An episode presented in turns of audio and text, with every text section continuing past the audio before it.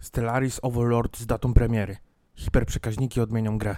Poznaliśmy datę premiery Stellaris Overlord, dodatek do kosmicznej strategii studia Paradox Interactive.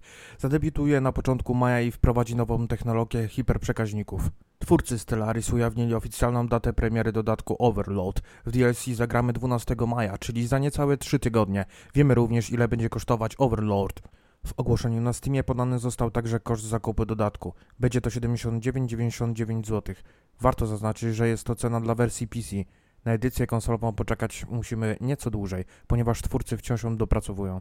Doktor Dre nie chciał wystąpić w GTA. Jak mówi, nie robię rzeczy dla dzieci. W wywiadzie z serwisem Bet Music via Eurogamer DJ Puch, konsultant kreatywny Grand Theft Auto 5 oraz speaker w growej stacji radiowej West Coast Classic opowiedział, jak w imieniu Rockstara udało mu się zachęcić znanego rapera Dr. Dre do występu w Grand Theft Auto Online. W ramach mini kampanii fabularnej ze świeżej jeszcze aktualizacji The Contract. Jak się okazuje, DJ Puch jest wieloletnim przyjacielem doktora Dre. Gdy skontaktował się z nim z propozycją, by ten pojawił się w GTA Online, wyszło na jaw, że celebryta nie jest zbytnim fanem gier wideo. Puch opisał jego początkową reakcję słowami.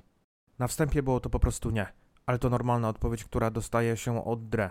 Początkowo brzmiała ona tak, ponieważ Dre nie jest graczem.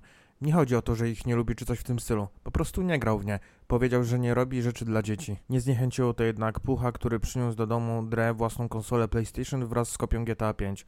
Po czym wręczył raperowi kontroler. Tak konsultant opisuje reakcję swojego przyjaciela. Powiedział, to jest zarąbiste. Gdy zobaczył, jak jeżdżę lowriderem, później zakładaliśmy różne felgi do samochodów, braliśmy udział w strzelaninach, spędzaliśmy czas z przyjaciółmi, nawet wyrywałem dziewczynę. To wszystko. Ostatecznie przekonało to doktora Dre do pojawienia się w aktualizacji The Contract, która zadebiutowała w GTA Online pod koniec zeszłego roku. Półtora roku rozwoju Baldur's Gate 3, podsumowane na kosmicznym filmie. Studio Larian zrobiło dużo, aby uczynić Baldur's Gate 3 możliwie najlepszą grą już w Early Accessie, a planuje jeszcze więcej. Deweloper podsumował swoje dotychczasowe prace w zabawnym filmiku opublikowanym z okazji wydarzenia D&D Direct.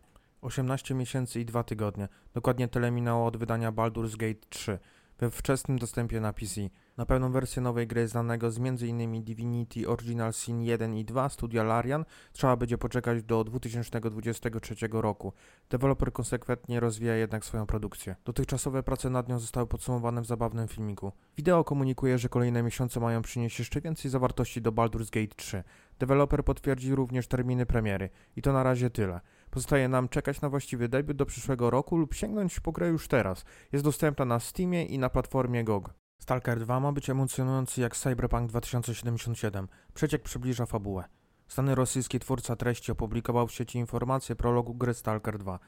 Heart of Chernobyl i podobieństwo do Cyberpunka 2077 zarzeka się on, że wyciekłe szczegóły fabuły są prawdziwe. W przeszłości udało mu się nawet przeprowadzić kilkugodzinny wywiad z Zacharem Boczarowem, menadżerem PR-u w GSC Game World kijowskim studiu odpowiedzialnym za wspomniane powyżej gry. Dzisiaj nieważne kto zamieścił na swoim profilu VK, popularnym w Rosji serwisie społecznościowym, kilka interesujących informacji, które rzekomo dotyczą fabuły gry Stalker 2 Heart of Chernobyl. Przypominam, że prace nad nią aktualnie pozostają wstrzymane z powodu wojny na Ukrainie.